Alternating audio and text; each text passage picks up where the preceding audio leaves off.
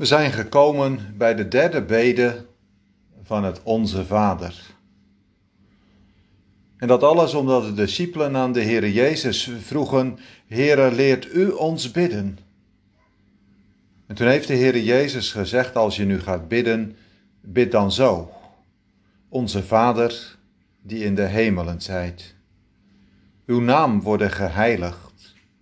Uw koninkrijk komen uw wil geschieden. En dat is de derde bede van het volmaakte gebed. En misschien vind jij dit wel de moeilijkste regel van dat zo korte, kernachtige gebed. Uw wil geschieden. Nee, niet mijn wil geschieden, maar uw wil moet gebeuren, zal gebeuren. Uw wil is heilig en goed.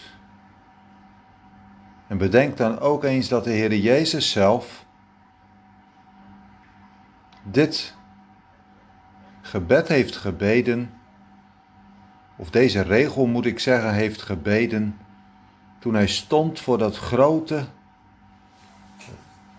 ontzaglijke lijden. Toen hij daar ging in de hof van Gethsemane toen ging hij wat apart van zijn discipelen en hij bad tot zijn vader. En hij begon angstig te worden. En hij begon te vragen aan zijn vader: Vader, indien het mogelijk is, laat deze drinkbeker van mij voorbij gaan. Doch niet mijn wil, maar uw wil geschieden. Het was zijn begeerte om de wil van zijn vader te doen. En hij heeft het gedaan, volkomen. Maar wat wordt er nu bedoeld? Precies bedoeld met Gods wil. Want kennen wij eigenlijk wel de wil van God? Wat God wil, weten wij dat wel? Ja, zegt iemand. Dat staat toch zeker in de Bijbel? Ja, correct. In de Bijbel maakt God zijn wil bekend. Maar wat wil God dan? Kunnen we dat weten? Ja, zegt iemand anders. Gods wil is toch zijn wet? Ja. En de samenvatting van de wet is: God liefhebben boven alles en je naaste als jezelf. Dat is Gods geopenbaarde wil aan ons mensen. Wij weten dus wat God van ons wil. Maar zijn we er dan? Denk eens even mee. Als de broers van Jozef hem verkopen en hij wordt afgevoerd naar Egypte, handelen zij dan naar Gods wil? En als Judas Iscariot de Heer Jezus verraadt, Handelt hij dan naar Gods wil? Of een derde voorbeeld, als de apostel Johannes verbannen wordt naar Patmos door keizer Domitianus of Nero, wie dat geweest is weten we niet precies. Is dan de christenvervolging naar Gods wil? Dat zijn lastige vragen, hè? Wat was Gods wil? God liefhebben boven alles en de naaste als onszelf. Jozef broers. Handelden zij naar Gods geopenbaarde wil? Nee, want ze hadden Jozef niet lief als zichzelf. Judas, handelde hij naar Gods geopenbaarde wil? Nee, God liefhebben boven alles en onze naaste als onszelf. En keizer Domitianus of Nero handelde hij met de christenen na Gods geopenbaarde wil? Nee, want hij had ze niet lief als zichzelf. Maar zegt nu iemand anders, God wilde toch eigenlijk wel dat Jozef verkocht werd naar Egypte. Want door hem moest toch steeds dat straks dat grote volk in het leven behouden worden. Ja. En God wilde toch dat de Heer Jezus gekruisigd zou worden? Ja. En God wilde toch dat Johannes naar Patmos verbannen moest worden? Ja, daar zou de openbaring aan hem geopenbaard worden. Dus nu drie keer ja. Maar daar konden de broers van Jozef, Judas en keizer Domitianus of Nero zich niet achter verschuilen. Want die wil van God was verborgen. Er is dus een verschil. Er is een geopenbaarde wil, die vinden we in de Bijbel, en een verborgen wil. En met Gods geopenbaarde wil, daar hebben wij nu mee te maken als mensen. Daar zijn wij voor verantwoordelijk. En voor Gods verborgen wil, zoals God het besloten heeft, Gods besluit zou je kunnen zeggen, ja, dat is voor ons verborgen. En in de Bijbel staat een hele mooie tekst daarover. De verborgen dingen zijn voor de Here en de geopenbaarde dingen voor ons mensenkinderen. Wij zijn dus verantwoordelijk voor hetgeen wat God van ons vraagt. Gods bevel en niet voor Gods besluit. Want dat weten we ook meestal helemaal niet. Soms gaan we daar later iets van zien. En nu, nu gaan we een stapje verder. Uw wil geschieden. De Heer Jezus zegt, dat moet je bidden, dat je de wil van God mag doen. God liefhebben boven alles en onze naaste als onszelf. En daar moeten we om bidden, omdat wij van die onwillige mensen zijn om God te dienen. Omdat wij steeds zo'n dwalend hart hebben.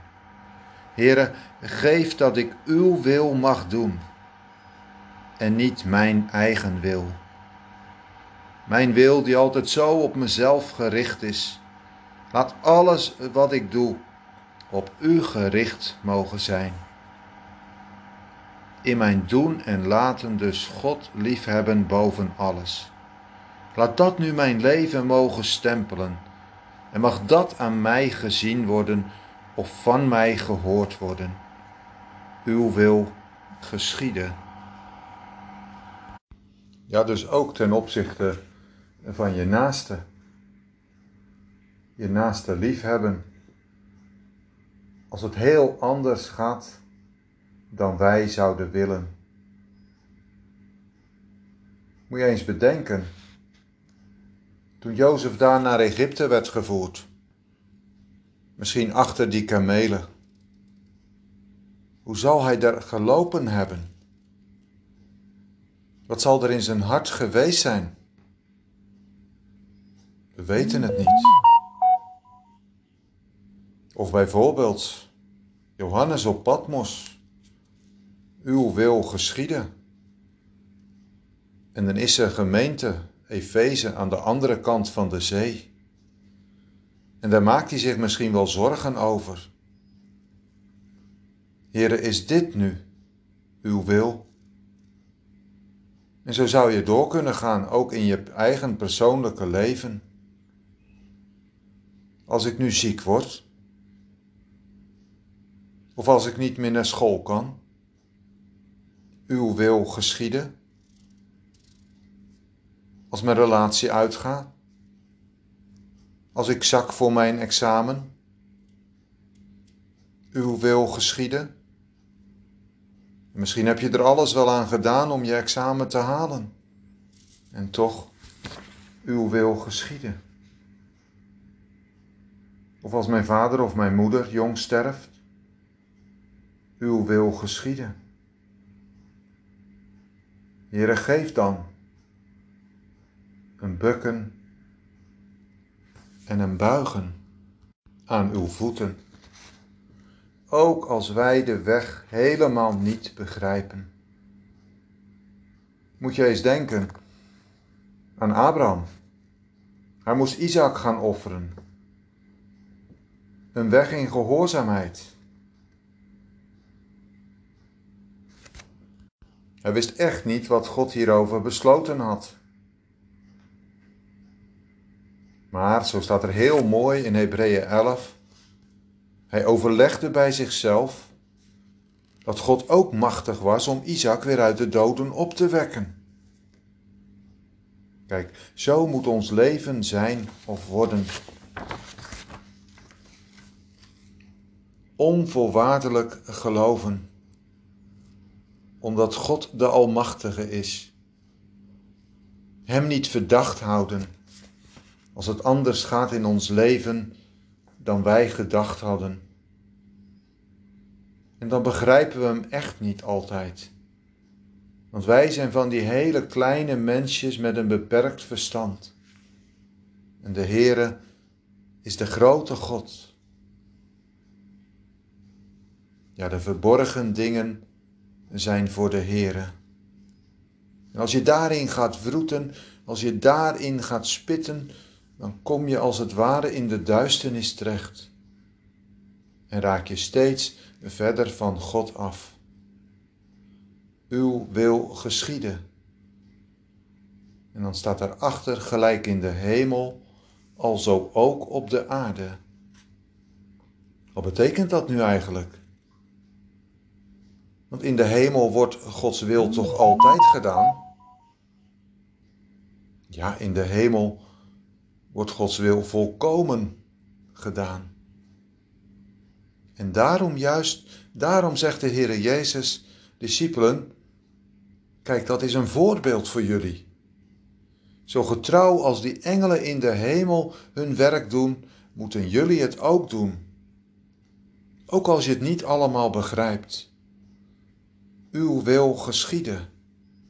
Uw wil die heilig is en goed. De catechisme zegt hier ook iets heel moois over. Je moet het gewillig en getrouw uitvoeren. Dat is zo mooi. Die engelen zijn zo gewillig. Ze willen niets anders dan het werk van de koning uitvoeren. En ze zijn getrouw.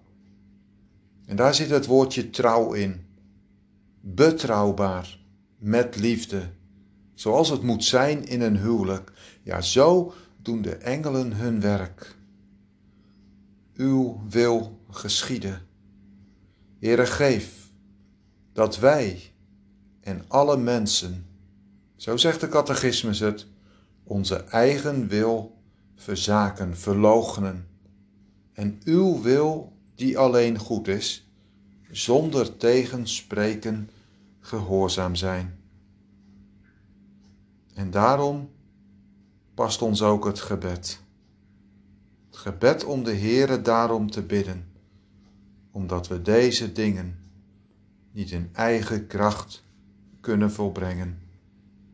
Ik wil afsluiten met dat prachtige versje uit het gebed des Heeren, het vierde vers. Uw wil geschieden, uw wil alleen, als in de hemel en hier beneen. Uw wil is alles, altoos, wijs en goed. Het is majesteit, al wat hij doet, dat ieder stil daarin berust en uw bevelen doe met lust.